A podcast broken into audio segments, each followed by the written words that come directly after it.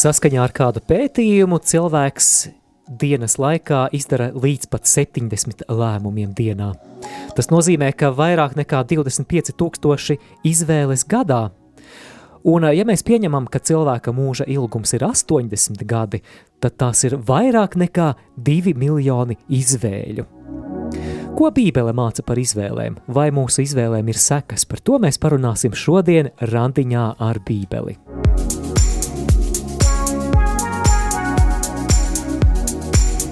Skan Randiņš ar Bībeli.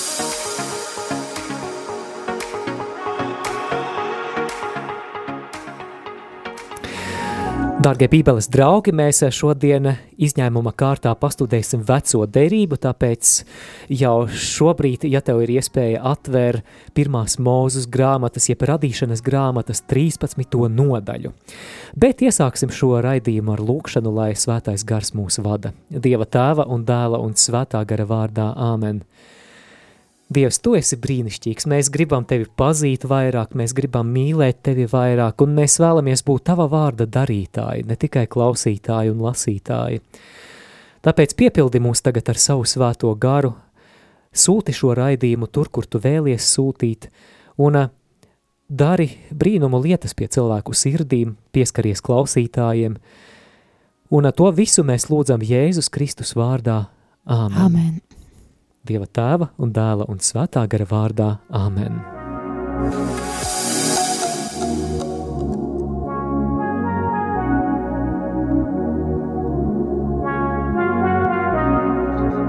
Uzmanību! Raidījums vedot klausītāju pa Bībeles dzīļu aizraujošajiem līkločiem, kur iespējams vēl nekad nav būts, var izraisīt nopietnu atkarību no privāta randiņa ar svētajiem rakstiem ikdienā.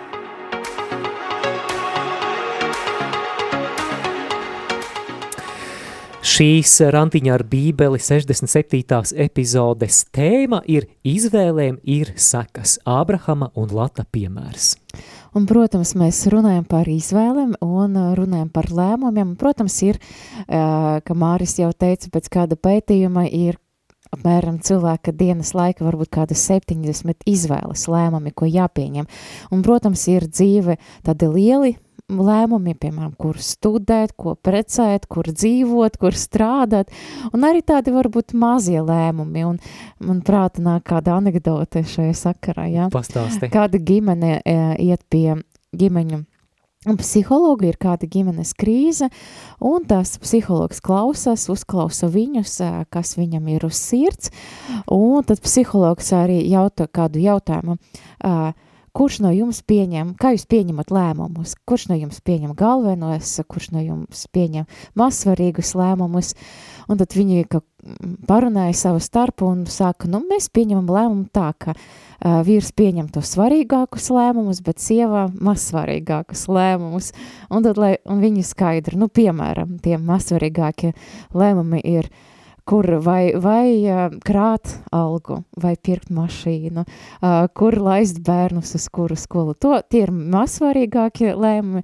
to pieņem sieva, tos lēmumus, bet savukārt bet vīrs, vīrs pieņem tādus lēmumus, nu, kura dziesma Eirovīzija šogad uzvarēs, kura futbola komanda ir labāka, vai mums ir labs prezidents.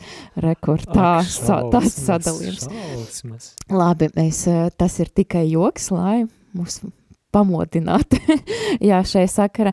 Bet, jā, protams, mūsu, visiem mūsu lēmumiem ir sekas. Jā, varbūt lielam lēmumam mēs redzam, ka uzreiz lielas sekas, piemēram, kur es studēšu, no tā atkarīgs mans dzīves ceļš liela mēra, bet varbūt arī tādi mazi lēmumi, piemēram, vai dzert tēju ar cukuru vai nē. Un, piemēram, varbūt vai ēst saldumus. Varbūt liekas, ka niecīgs lēmums, bet varbūt kādam cilvēkam tas var būt ļoti kaut kādas graujošas arī tas var, var, var rasties cukuru diabēts, nu beigas. Nu jā, cilvēkam ir tāds, tāda tendence uz to. Un, protams, jā, ka, ka jā, mūsu, mūsu lēmumi pie, kā veido mūsu dzīves ceļu. Ir arī kāds teiciens, ka dzīve ir mūsu lēmumu summa, tā var teikt. Jā, Olga, tu runāji par šīm mazajām izvēlēm, bet mēs ik viens arī, tu klausītāji un skatītāji ik pa brīdim nonāc tajās lielajās dzīves krustcelēs, kad jāpieņem vissvarīgākie lēmumi. Vai precēt šo cilvēku, kādu profesiju izvēlēties, vai pārcelties uz citu pilsētu, vai palikt darbā, kurā šobrīd strādāju, vai arī mainīt profesiju. Un galu galā arī vis, vissvarīgākā cilvēka izvēle dzīvē vai uzticēt savu dzīvi Jēzum Kristum kā vienīgajam kungam un glābējam. Un šeit arī svarīga atziņa uzreiz, man liekas, jāsaprot, ir tas, ka mēs esam Dieva radīti, un mums Dievs ir devis brīvu izvēli. Tad mums ir brīva griba, mēs esam brīvi izvēlēties ļaunu, labu, nezinu kādu vēl, ja.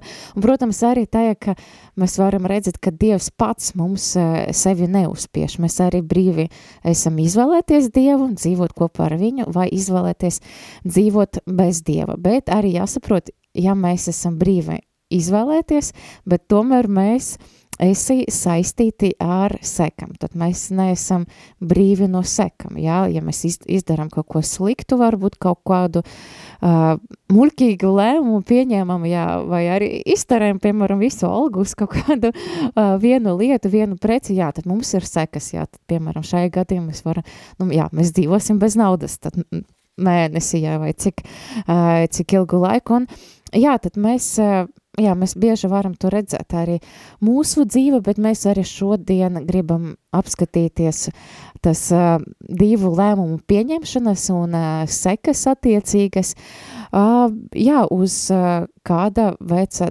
vecas derības divu varoņu piemēriem, tad uz Abrahama piemēra un uz viņa brāļa dēla Lata piemēra. Tad mēs lasam to pirmajā mūzus grāmatā, 13. nodaļa, un tad mēs re, redzam ļoti atšķirīgas pieejas, tad viens uh, uh, lēmums ir saskaņā ar dievu grību, un cits lēmums var būt tāds, ka um, balstīts uz karībām un uz tāda aprēķina, un jā, kādas tam viss ir sekas. Sākam lasīt pirmo mūzes grāmatu 13. nodaļu no otrā panta.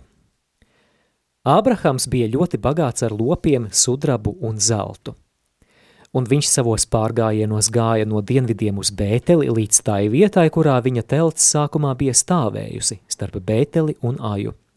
Līdz tai vietai, kurā viņš sākumā bija cēlis altāri, un Ābrahams tur piesauca kunga vārdu. Un arī Latam, kas ceļoja ar Ābramu, bija sīklopi un lielopi un teltis – Bet zeme nevarēja viņus uzturēt, ka tie varētu kopā dzīvot, jo viņu mantība bija liela un tie nevarēja kopā dzīvot. Tā izcēlās strīdu starp Ābrama lopu ganiem un Lata lopu ganiem. Arī kanānieši un ferisieši toreiz dzīvoja tanī zemē. Un Ābrams teica Latam, lai nebūtu strīdus starp mani un tevi, starp maniem ganiem un taviem ganiem, jo mēs esam brāļi – vai visa zeme nav tavā priekšā? Labāk šķiries no manis, ja tu gribi iet pa kreisi, es iešu pa labi, bet eh, ja tu gribi iet pa labi, es iešu pa kreisi.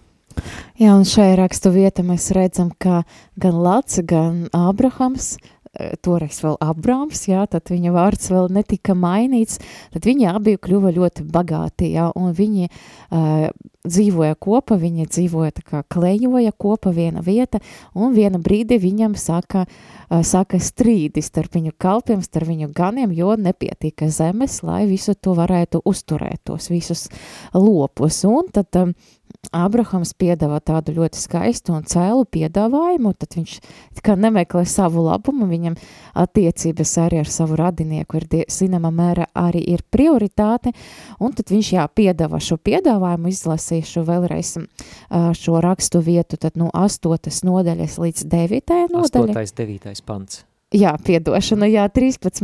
nodaļa, 1. mūzes grāmata 13. nodaļa, no 8. līdz 9. pantam, tad Abrahams piedāvā, lai nebūtu strīdu starp mani un teviem, starp maniem gāniem un taviem gāniem, jo mēs esam brāļi, vai visa zeme nav tava priekša, labāk šķīries no manis, ja tu Ja tu gribi iet pa kreisi, es iešu pa labi, bet ja tu gribi iet pa labi, es iešu pa kreisi. Tagad, mīļo klausītāji, padomāsim par to, ko nozīmē šī Ābrahama izvēle, šis Ābrahama piedāvājums, jo Ābrahams savam brāļa dēlam Latam varēja teikt, zini, es šeit esmu galvenais, es esmu šeit vecākais, es tevi pieņēmu kā bērnu un uzaudzināju kā bāreni, viss, ko tu šobrīd esi sasniedzis, šī bagātība, tas ir noticis eh, tev esot mm, kolektīvā kopā ar mani. Tā ka es ņemšu labāko zemes gabalu, tev paliek viss pārējais. Tomēr tā nenotiek, kā mēs lasījām. Ābrahama sirds ir ļoti dāsna, ļoti plaša, un viņš ir gatavs savam brāļa dēlam teikt – Ja tu gribi iet pa kreisi, es iešu pa labi. Bet ja tu gribi iet pa labi, es iešu pa kreisi. Vai nojaušat kādu risku ietver šāds piedāvājums? Ja nu Lats paņem to labāko gabalu un atstāja viņu bešā, atstāja ar to zemi. Kādu tuksnešainu zemi atstāja. -hmm. Iedomāsimies, ja tev klausītā ir divas automašīnas. Piemēram, kāds 2022. gada, tātad šī gada jaunākais Mercedes vai nu, tagad elektromobīļi modē Tesla. Tā nav ar, reklāma. jā, ar, ar ādas salonu, ļoti smalka dārga mašīna. Otrais auto ir 1984. gada vecs sarūsējis, ļoti sarūsējis opelītis, un tu piedāvā kādam savam radiniekam, zini, es domāju, ka man pietiks ar vienu mašīnu – Es tev vienu uzdāvināšu, izvēlies jebkuru, kura tev labāk patīk. Nu, ir skaidra atbilde. Visdrīzāk pateiks labākā mašīna. Pa, Jā, arī paņems to. Arī Ābraham šajā, Ābrahamam šajā gadījumā ir šis risks, ka viņš var tikt pie tās sliktākās daļas. Ir kāds stāsts par puisēnu, kurš kopā ar savu mammu devās uz veikalu. Un šī veikala pārdevējs bija ļoti jauks cilvēks, viņam ļoti patika bērni, un tādēļ viņš atver lielu konfekšu kasti un piedāvā šim puisēnam pasmelties, cik viņš vien spēja paņemt konfektes. Puisēns stāv un klusē.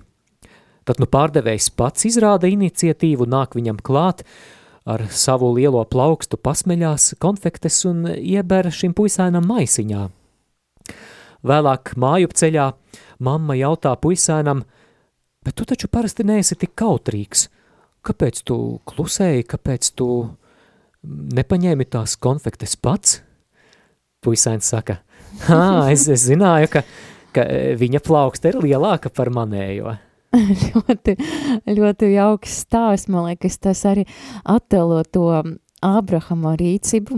Ābrahams, viņš paļāvās uz Dievu. Viņš zināja tās, ko viņš varbūt grib paņemt, ka tas varbūt nebūs tās, ko Dievs piedāvā. Viņš zināja, ka Dievam plaukst ir lielāka. Un, jā, tad un viņš zināja to, ka Dievs par viņu parūpēsies. Un ir kāda vēl viena rakstu vieta, ko es gribēju arī nolasīt, ka tā patiesība ir gudra rīcība, jo Dievam ir kaut kas labs priekš mums, jo mēs varam domāt, ka šī un šī izvēle ir būtu labāka, varbūt šī lieta būtu labāka, bet Dievs, Dievs ir paredzējis kaut ko labu. Man arī kaut kā prāta bija nākusi tā pirma vēstule korintiešiem, otra nodaļa, devītais pants. Tā, ir kāda vieta, ko acs nav redzējusi, ne auss dzirdējusi, ne cilvēka sirdi nācis, to Dievs sagatavojas tiem, kas viņu mīl. Rekur tāda paļaušanas uz Dieva, Abrahams zināja, jā, ka Dievs uh, izpildīs savu solījumu, ka Dievs viņu neatstās. Bet kā izvēlas Lats? Un mēs lasām tad, tad pirmā mūzes grāmata, 13. nodaļa no 10. līdz 12. pantam. Tā mēs lasām, ka Lāts darīja savu izvēli, un Lāts pacēla savas acis un ieraudzīja sava priekšā visu Jordānas apgabalu, ka tas bija bagāts ar ūdeni, pirms Dievs izpostīja Sodomu un Gomoru tā, kā tā kunga dārs līdz pat Coārai, līdzīgs Ēģiptei, un lēts izraudzīja sev visu Jordānas apgabalu un aizgāja austrumu virziena, tā viņa šķīras viens no otra. Ābrams apmetas Kanāna zemi, bet lēts apdzīvoja apkārtējas pilsētas un izplēta teltis līdz Sodomai. Arī Lats varēja būt ļoti dāsnu sirdi. Viņš varēja teikt savam tēvocim Ābrahamam, tēvoci, es šeit esmu jaunākais, es tevi ļoti, ļoti cienu, esmu tev pateicīgs, ka tad, kad nomira mani vecāki, tu mani pieņēmi, tu mani uzaudzināji, tāpēc tev ir tiesības uz labāko gabalu. Man pietiks ar to, kas paliks pāri. Tomēr, kā mēs nu pat lasījām, Lats rīkojas sautīgi. Viņš ir īsts sagrābējs, viņš paņem to, kas viņa acīm šķiet tīkamāks. Viņš ierauga Jordānas apgabalu, kas izskatās skaisti un vilinoši, tas ir kā Ēģipte, tas ir apūdeņots, tur ir dārzi, un, un tad viņš steidzās, ka tik, ka tik mans uh, onkulis nepaņem šo gabalu, es izvēlēšos pirmais. Jā, un mēs uh, redzam patiesība, uh, ka šīs stāsts, šī lata izvēle kaut kā, kaut kā līdzīgi arī vienam stāstam arī no pirmas mūzes grāmatas, no paša sākuma par kārdināšanu ēdenes darzat. Mēs lasam, piemēram, par Ievu, ka viņa arī iekāroja šo ābolu, protams, čū, čūska viņa iečukstēja, uh, saja šaubas sirdi, jā, bet Ieva skaties uz to ābolu un uh, viņa iekāroja, viņa domā, to var apēst, jā, un viņa nedomāja par sekam, jā, un patiesība tas sekas, uh, Ievas izvēles uh, un Ādama sekas mēs joprojām piedzīvojam, jā, un Lats ne, neņem vēra uh, to, ka šajā skaistajā zeme bija bija kaut kas ļoti uh, varētu teikt, ka sapūvis, kaut kas ļoti slikts, ja, ir tāds teiciens nevis zelts, kas spīd, un mēs lasam tālāk arī 13. panta, ka, jā, Lāts nerkinājis ar to, ka Sodomas ļaudis bija ļoti ļauni un grēcīgi tā kunga priekša. Jā, šai izvēlē būs sekas, gluži kā Ievas un Ādama izvēlē bija sekas. Par izvēļu sekām Ābrahama un Lata dzīvē mēs parunāsim pēc mūzikas pauzes, bet tā kā mēs par Ābrahamu, par šo lielo patriarhu runājam, tad nākamās dziesmas nosaukums ir Abraham, Ābrahams.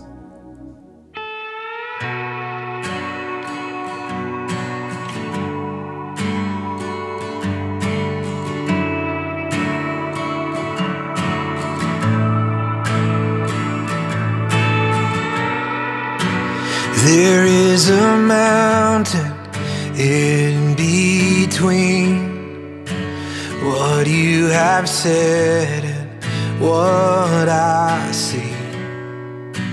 Standing before this offering, my failing heart will fight to believe on this altar on this road. You have called me from my home.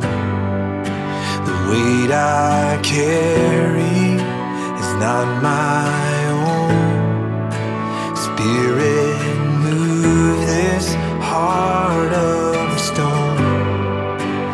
How can I walk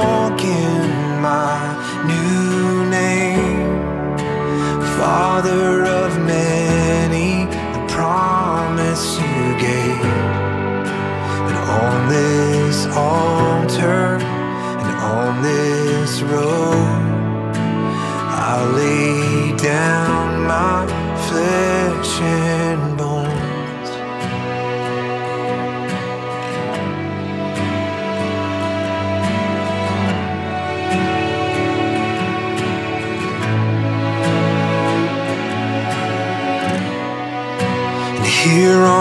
this mountain I have climbed, wrestling doubts that flood my mind. When ashes and dust are all that remain, will hope for the world still come from my veins on this altar on this You have called me from my home. The weight I carry is not my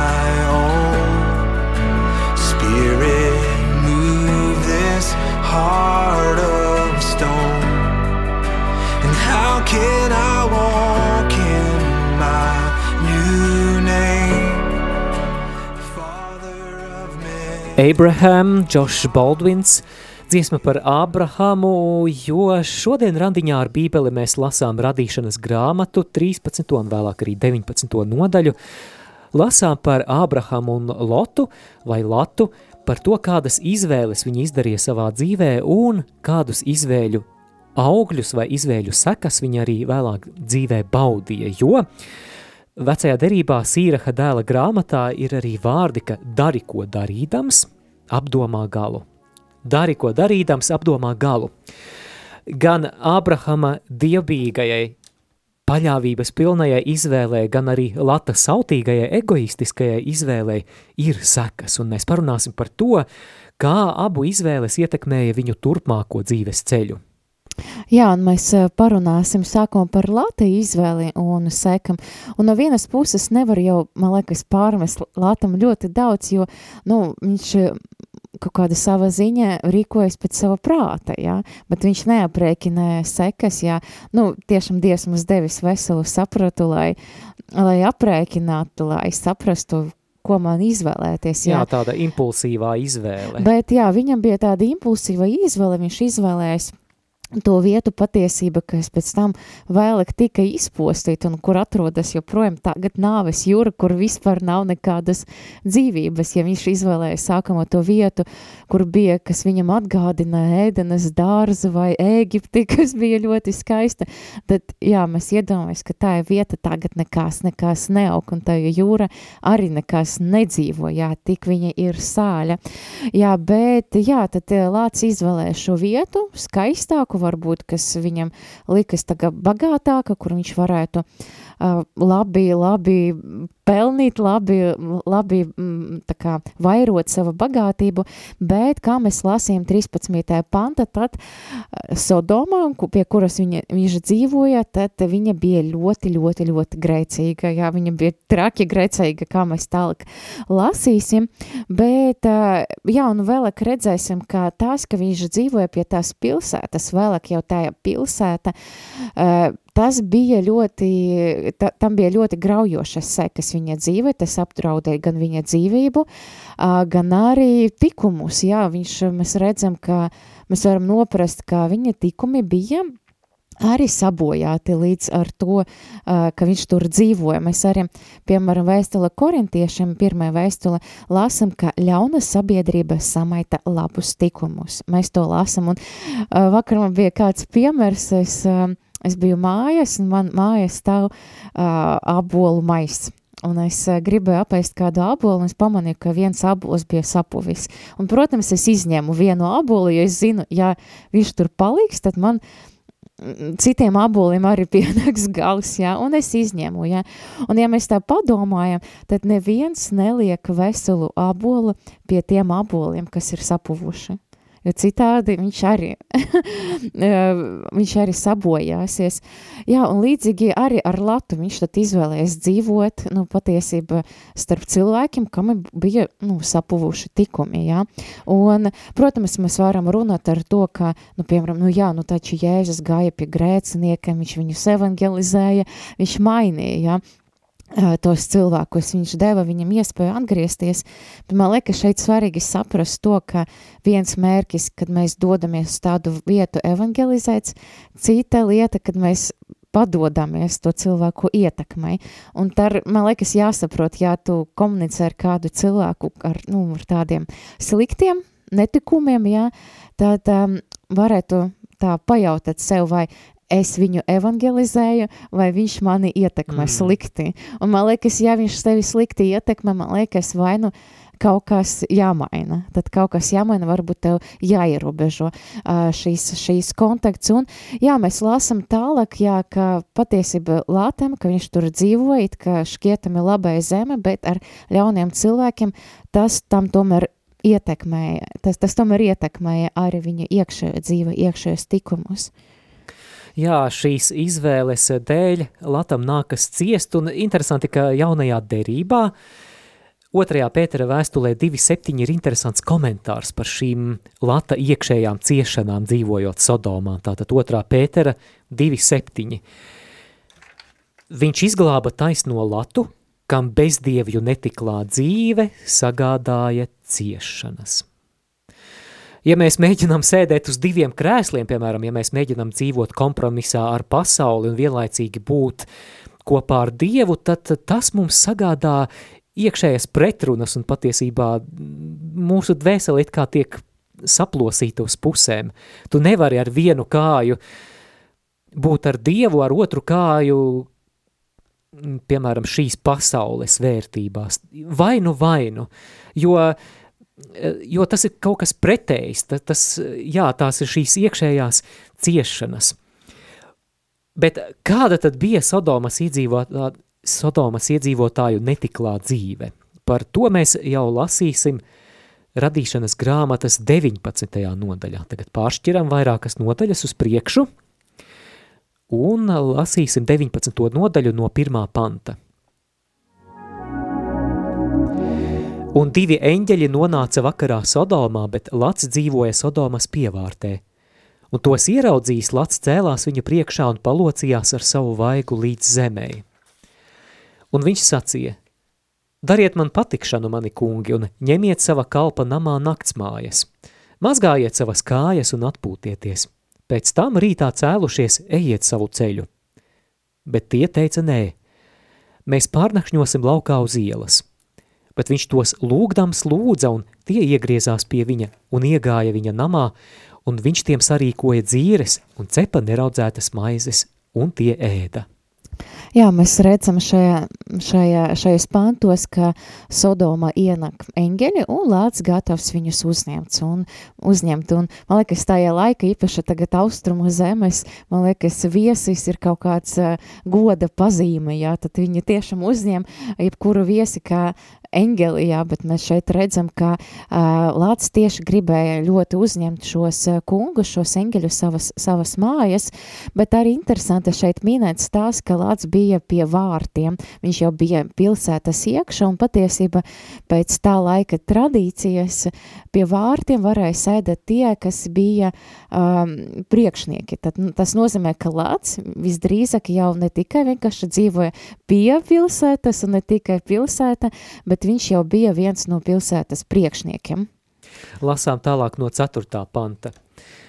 Vēl tie nebija apgūlušies, kad Sodomas pilsētas vīri aplenca namu, zēni un sirmgalvi, visādi ļaudis no visām malām. Un tie aicināja Latu ārā un sacīja, kur ir tie vīri, kas pie tevis iegriezušies naktī, liec tiem iznākt ārā pie mums un mēs iepazīsim tos. Tas nozīmē, ka mēs viņus gribam, piedodiet, seksuāli izmantot. Jā, un uh, briesmīga situācija, un ko dara Lācis? Mēs, uh, mēs jau runājam par to, ka jā, Lācis sāka dzīvot tajā tajā vide, kur bija ļauni cilvēki, un mēs patiesībā redzam, ka uh, Lata iespējas pieņemt labus uh, lēmumus uh, bija jau sagrozīta, un Lats piedava kādu briesmīgu risinājumu. Lasu no sastā panta un Lats izgāja pie viņiem ārā vārtos, durvis aizbultēdams aiz sevis un sacīja, brāļi, nedariet taču tādu grēku. Redziet, man ir divas meitas, kuras neviens nav atzinis. Es likšu viņām iznākt pie jums, un jūs varat tām darīt, kā jums patīk. Tikai tiem vīriem nedariet nekā, tāpēc, ka tie nākuši mana jumta pavēnī.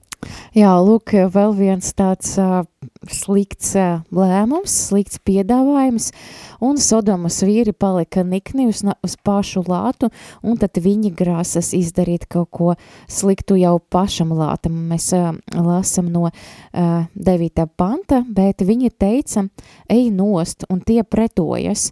Šis viens ir atnācis kā svešinieks, un nu viņš grib tiesāt, tagad mēs tev vairāk ļauna darīsim kā tiem un tagad uh, paša Lata dzīve tiek apdraudēta, bet Jā, mēs redzam, ka kaut Lācis bija izdarījis sliktas izvēles sava dzīve, Dievs tomēr viņu neatstāja un rūpējas par Latu un glāb viņu uh, no tiem cilvēkiem, kas grasījies viņu izmantot, varbūt pat nogalināt uh, caur eņģeļiem. Tad tie eņģeļi iz, izglāba viņu, tad mēs lāsam savukārt jau no desmitas, no uh, desmita panta līdz vienpadsmitam, 11. pantam, un tie uzmecas ar vāru šīm vīram latam un grāsies durvis atlaust.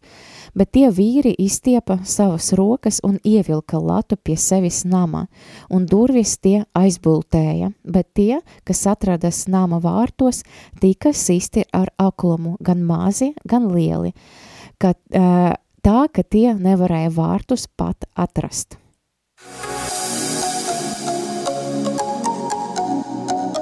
Skan randiņš ar bībeli. Šī notikuma turpinājumā eņģeļi Latu vēlas izvest no Sodomas, izglābt, un aicina arī glābt viņa tuviniekus, lasu no 12. panta. Un vīri sacīja Latam, vai tev te vēl ir kāds nots vai dēli vai meitas vai cits kāds, kas pieder tev šī pilsētā, izved tos no šīs vietas – Mēs gribam izpostīt šo vietu, jo liela brēkšana par to nākusi tā kunga priekšā, un tas kungs mūs ir sūtījis to izpostīt. Un Lats izgāja un runāja ar saviem znotiem, kas gribēja viņa meitas ņemt, un sacīja, celieties, ejiet prom no šīs pilsētas, jo tas kungs šo pilsētu izpostīs. Bet viņš likās savu znotu acīs smieklīgs. Jā, znotiem šķiet, ka Lats joko, viņiem šķiet, ka Lats ar šīm runām par pilsētas izpostīšanu, bēgšanu, no tās ir prātu izkūkojis vecis. Kas tam vecajam padomā? Manuprāt, te mēs varam izdarīt tādu atziņu, ka mūsu liecība par Kristu, mūsu liecība par Dievu bieži vien ir nepārliecinoša tad, ja mūsu dzīves piemērs liecina par kaut ko citu. To sauc par liekulību. Ir teiciens, kas tiek piedāvāts eh, svētajam Sa Sarov, Serafimam no Sarovas, eh, atgriezies pats un apkārt tev tūkstoši atgriezīsies. Jā, un runājot tālāk par, par notikumiem, jā, tālāk notiek bēgšana no Sodomas, un mēs arī varam redzēt, jā, ka, ja jūs lasīsiet šo nodaļu, tad um, Lācis ar ģimeni viņi kavējas, jā, eņģeļi viņa steidzina, ātrāk, ātrāk izējot no pilsētas, mēs gatavi esam izpostīt šo pilsētu, viņa būs izpostīta, bet viņa kā kavējas, tā kavējas, un beigas eņģeļi pat viņus izvērt paši no pilsētas, jā, var, es nezinu, varbūt viņam bija daudz mantu. Protams, ka viņi dzīvoja, viņi bija bagāti un viņam bija žēl to visu atstāt. Varbūt viņi meklē, ko, ko dārgāku var paņemt līdzi, jā. Bet, jā, tad viņi izvēla no pilsētas, iespējams ar ļoti mazu mantus bagāžu, jā, un lai viņa neiet boja, Dievs atkal viņus glāb.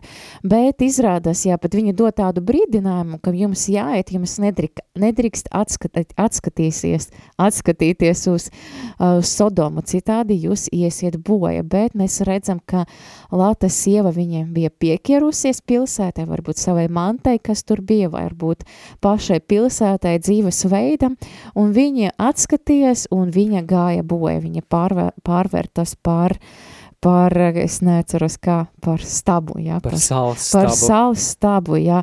Rekur, jā, it kā lāc izvēlējas dzīvot ļoti labajā vietā, tā kā ar acīm iekarojama vieta, bet beigas viņš zaudē gan savu mantu, gan znotus, gan māju, beigas arī zaudēja sievu.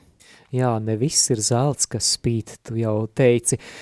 Un, lai gan Lats tiek izglābts no šī posta, no bojā ējas, tomēr arī vēlāk, kā mēs lasām, Lata biogrāfija ir ļoti neskaistas, nepatīkamas, pat traģiskas lapuses. Piemēram, mēs lasīsim tālāk, ka viņa meitas piedzirdīja savu tēvu un pārguļ ar viņu, lai ieņemtu bērnus. Varētu jautāt, kāpēc viņas tā dara, kāpēc tāds ārprāts vispār notiek? Uh, Varbūt tā bija Sodomas vides ietekme, kur viņas uzauga. Varbūt viņas eh, nes līdzi atmiņas par eh, Sodomas kultūru. Šodien pasaulē ir ļoti daudz latu, kuri izdara izvēles pasaulīgi, līdzīgi latam, pēc acu kārības, miesas kārības vai dzīves lepnības. Pēc dziesmas pauzes mēs parunāsim par Ābrahama izvēles sekām, uh, Un šajā brīdī, lai skan kāda mūzika ebreju valodā, pēc tam atgriezīsimies ēterā, un, mīļo klausītāji, varbūt arī tev ir kāda liecība par to, kas tev palīdz pieņemt lēmumus. 266 77 272 ir numurs īziņām, savukārt tālrunis studijā 67 969 131.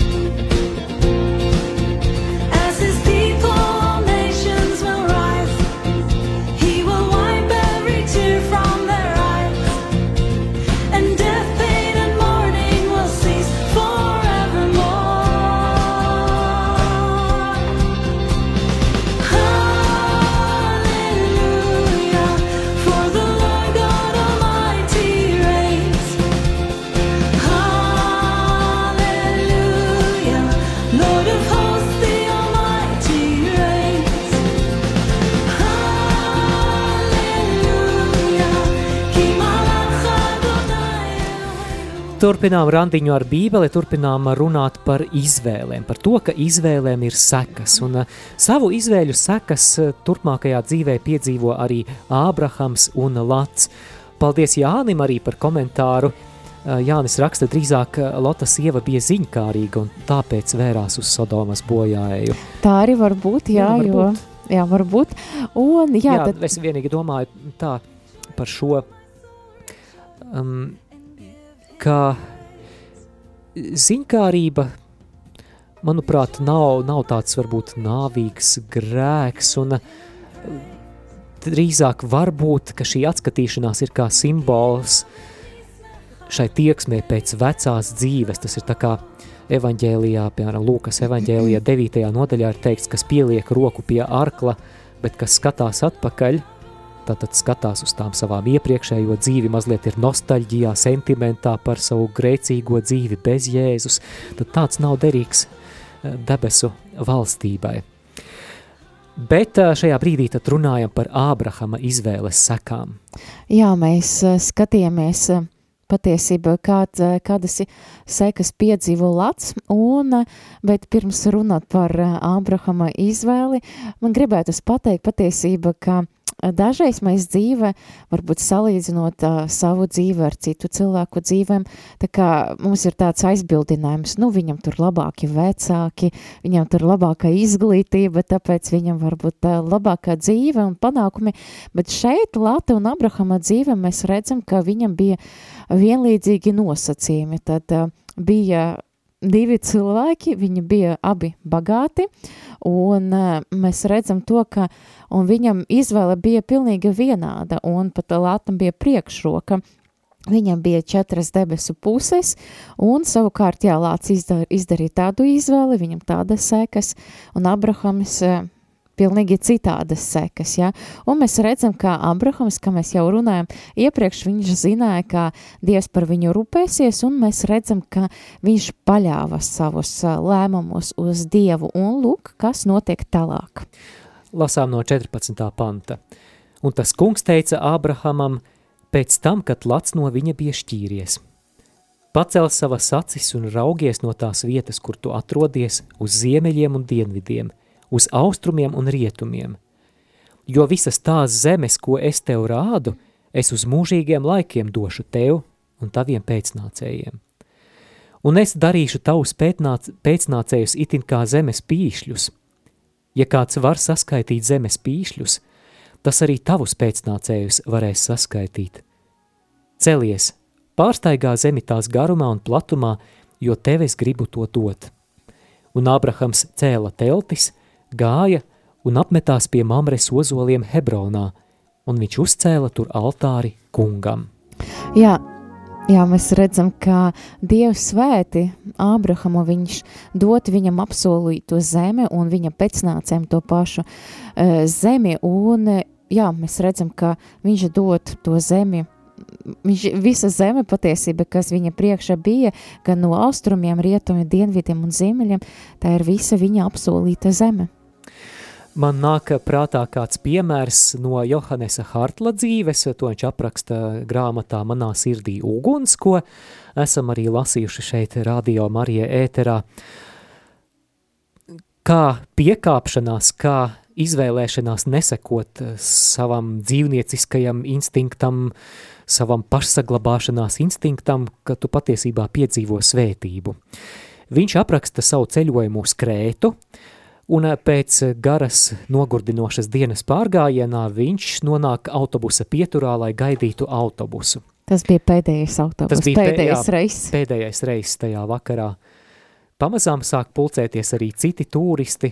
Sākumā viņi draudzīgi apmainās eh, kādiem mm, iespaidu stāstiem, kurš no kurienes ir, bet uh, pasažieru kļūst ar vien vairāk un vairāk, ar vien vairāk un vairāk, un ir skaidrs, ka viss šis bars autobusā neielīdīs. Cilvēki sāk eh, viens otram uzmest aizdomīgus skatienus, kā uz konkurentiem. Cilvēki mēģina savas mugursomas, savus koferus pārbīdīt kaut kur, kur viņi prognozē, ka varētu būt autobusa durvis tā, lai viņi pirmie varētu iekļūt autobusā. Un lūk, ko raksta Johannes, es citēšu no grāmatas. Manī kāpi kliedziens – Un tomēr, lai gan iekšēji manī pilnīgi viss tam pretojas, jūtu, ka nebūtu pareizi, ja es arī spiestos uz priekšu. Nebūtu pareizi, ja es šajā situācijā neusticētos Dievam. Būtu pareizi ieņemt pašu pēdējo vietu un vienkārši klusībā lūgties. Tuvojas autobuss. Tikai viens. Starp gaidītājiem sākās stumdīšanās, grūstīšanās, centieni tikt priekšā un spiešanās – Citkārt tik laipnie civilizētie cilvēki kļūst par īstiem kaušļiem. Autobuss apstājas metrus desmit tālāk pa labi. Pūlis pagrāb mantas un metas skriešus, cits citu apdzīdami cilvēki laužas uz priekšu un laiž darbā elkoņus. Es palieku stāvam uz vietas, noraizējies, taču vienlaikus ar apziņu, ka nedrīkstu iesaistīties šajā maziskuma sacensībā. Autobuss piebrauc pie pieturas – un tad notiek kaut kas negaidīts. Tā vietā, lai atvērtu durvis, šoferis ieslēdz atpakaļgaitu. Autobuss pabrauc atpakaļ, apstājas un atver durvis tieši pie manām kājām. Pūlis panikā metas atpakaļ, kamēr es vienā mierā iekāpju un izvēlos vietu, kur gribētu sēdēt, pārlaižu skatienu tukšajam salonam un brīnos. Jā, tālāk stāsta turpinājums ir laimīgs, jo vēlāk izrādās atbrauc vēl cits autobuss un galu galā neviens nepaliek uz ielas, bet, nu jā. Bet es domāju, kā viņi skaties viens otram acīs pēc tam visu, pēc jā, tā visam. Jā, šī turistu pūļa rīcība atgādina šo lata izvēli. izvēlēties saskaņā ar, ar savām iegribām un tā. Savukārt Johannes šajā brīdī izvēlas to likumīgo likumības ceļu eh, kopā ar Dievu. Nu, tas nenozīmē, ka viņa sirdi nebija tāds lācis, kas kliedza mm -hmm. un teica, ka Mums tev vajag ir, skriet, un, ka, mm -hmm. protams, katru no mums īpaši es nezinu, braucot sabiedriskajā transportā, un tev gribas apsēsties tajā vietā tukšajā, bet nu tā, tu domā, labi, es pastāvēšu, lai aizņem vietiņu, kur tiešām, kuram tiešām tās ir vajadzīgs. Manuprāt, šo principu arī formulē Jēzus, kad viņš sludina, ka tad, kad tu ierodies viesībās, ieņem pēdējo vietu, lai vēlāk tev teiktu, draugs, nāc taču augstāk, nevis tu ieņem pirmo vietu un izrādās kādi citi jau norezervējuši tur un tev ar apkaunojumu ir jāieņem vēlāk pēdējā vieta. Jā, un tad, tad uh, mēs jau tuvojamies noslēgumam. Jā, mums neviens neko nav uzrakstījis par izvēlēm. Kas jums palīdz pieņemt izvēles? 266 77 272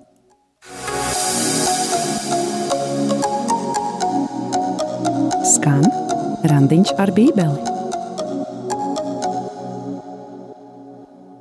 Jā, tad, tad mēs runājam, mēs skatāmies un redzējam šajā, šais rakstu vietas divas pilnīgi pretējas um, izvēles, lēmumi, kā tika lēmumi pieņemti, un arī sekas, un mēs redzam, ka mūsu izvēlēm, kā arī šiem bībeles vāroņiem ir, ir sekas, un jautājums katram no mums, vai es izvēlos kā Abrahams, vai es izvēlos kā Lats, vai es izvēlos kā Abrahams, kurš nebija super cilvēks, mēs redzam, ka savas dzīves laika viņš daudz kļūdies, viņš arī grēkoja, viņam bija arī, jā, viņš arī meloja kaut kādos brīžos, bet viņš iemācījās gaidīt uz Dievu, iemācījās, viņš saprata, ka tas, ko Dievs dod, tas ir pats labākais, ko var kas var būt, ja? vai arī es, es izvēlos nerekinoties ar Dievu pēc savu, savu mācu karībām. Un, ja, Jā, tāpēc arī Ābrahams tiek saukts par ticības tēvu. Iespējams, klausītāji, esi dzirdējis Franka Sinatras dziesmu My Way. Do, Lūk, šādi skan. My Way no angļu valodas mēs nevaram varbūt burtiski pārtulkot, bet latviskoti būtu – pa savam. Es izdarīju Jā, to pa savam. Es izdarīju to pa savam. Ir vārdi I did it my way. Much more than this I did it my way. Jā, I did it my way. Tas nozīmē es izdarīju pa savam. Un tas raksturo, manuprāt, mūsdienu latus. Viņi ir tie, kas dara pa savam, un vēlāk varbūt pat uz kapa pieminekļa ikvienam no viņiem varētu rakstīt – es darīju pa savam. Jā, un mēs varam redzēt arī to otru pieju, Ābrahama attieksme, kurš uh, savus lēmumus pirmo vietu deva Dievam. Viņš gaidīja uz Dievu. Mēs arī no minētas rakstu vietas lāsam, ka no 18. panta, tātad pirmā mūzus grāmata, uh, 19. nodaļa, 18. pants, un Ābra, Ābrams cēla teltīs, gāja un apmetas pie Mamras ozoliem Hebrona, un viņš uzcēla tur altāri tam kungam kungam. Un arta, altāra celšana parāda, ka uh, Dievs, uh, ka Abrahams Dievam deva uh, pirmo vietu savā dzīve, un jā, ja mēs zinām, ja mēs uzticam Dievam savu dzīvi, viņš mūs nepa, neatstās, un mēs uh, arī no Mateja, uh, no Mateja evangēlijas 6. nodaļas 33. panta lasam, ka uh, tādu rakstu vietu, kā bet dzienieties pēc papriekš pēc Dieva valstības un pēc viņa taisnības, tad jums visas šis lietas tāps piemestas. Tad galvenais meklēt Dievu un Dievs jau gādās, viņš rūpēsies. Protams, tas nenozīmē, ka ar Dievu ir jākonsultējas par visu nedrīkstam nonākt galējībā, ka mēs stāvam veikalā un nevaram izvēlēties, kuru piena paku pirkt un mēģinam no Dieva saklausīt, vai Dievs to vai citu marku mums ieteiks. Nē, Dievs mums daudzās lietās dod pilnīgu izvēles brīvību. Dievs var svētīt vienu izvēli, Dievs var svētīt citu izvēli, tā ka mēs šeit runājam par kaut kādiem īpašiem pagrieziena punktiem dzīvē, kur noteikti konsultācija ar Dievu būtu svarīga. Nu, man nāk prātā piemērs ar manām iekšējām garīgajām mokām, izdarot izvēles, kad es piedzīvoju atgriešanos, tad man šķita, ka ar Dievu ir jāsaskaņo pilnīgi viss.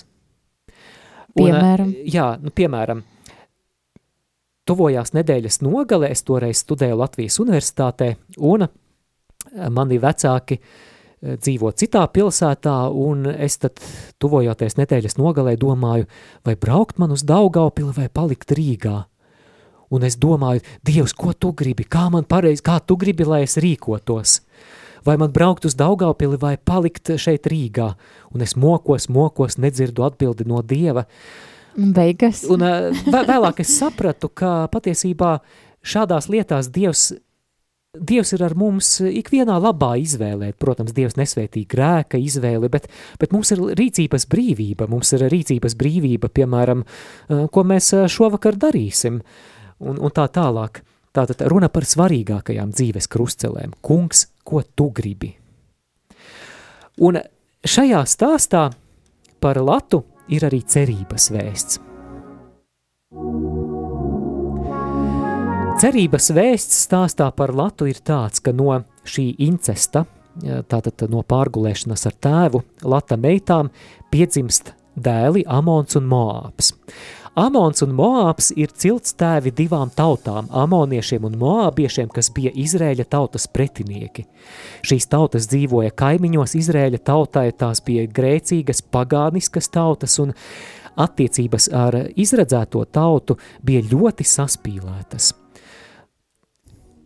Vēlāk pēc daudziem gadsimtiem kāda meitene Rute, kas bija moābiete, tātad no šīs pagānu tautas, tātad Rute, kas ir Lata pēcnācēja, pēctece, satiks ebreju Boāzu un izveidos ģimeni. Un tādā veidā šī Rute iekļausies Jēzus ciltskokā, viņa kļūs par Jēzus vec, vec, vec, vec, vec, vec, vec, nezinu, cik reizes jāatkārto māmiņu. Un tātad Rute un Boās ir arī vec, vec, vec, vecāki lielajam ķēniņam Dāvidam.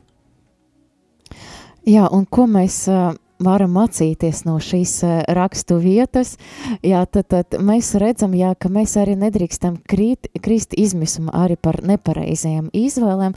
Tātad, jā, pat mēs uh, visi ir grēkojuši, piemēram, Abrahams bija grēkojis un arī Lāts bija izdarījis nepareizas izvēles, bet mēs redzam, ka Dievs ir žēlsirdīgs, viņš Lātu izrauj, var tā teikt, izrauj no tās sodomas, un arī mūsu dzīves varbūt mēs izdarījām nepareizas izvēles, un, bet mēs varam lūgt Dievu, lai viņš nāk mūsu tajā Sodomas uh, pilsēta, kur mēs esam, mēs varam ieklausīties Dieva, lūgt piedošanu un ļaut Dievam, lai viņš maina mūsu dzīvi. Un, protams, pāri visam, protams, ka mēs cenšamies tomēr ne, nenokļūst tādas situācijas un lūgt Dievam uh, lūgt Dieva klātbūtni, lūgt Dieva svētību, pirms mēs pieņemam kādu svarīgu lēmumu mūsu dzīvē. Ar to arī raidījumu noslēdzam, lai Dievs svētī ikviena izvēles un lai baudām labus izvēļu augļus. Šeit studijā bijām mēs Māris Veliks un Olga Velika. Jūs dzirdējāt raidījumu Randiņš ar bībeli. Savas atsauksmes, ieteikumus un jautājumus sūtiet uz raidījuma e-pastu randiņš ar bībeli at gmail.com. Iepriekšējās raidījuma epizodes var atrast arhīvā.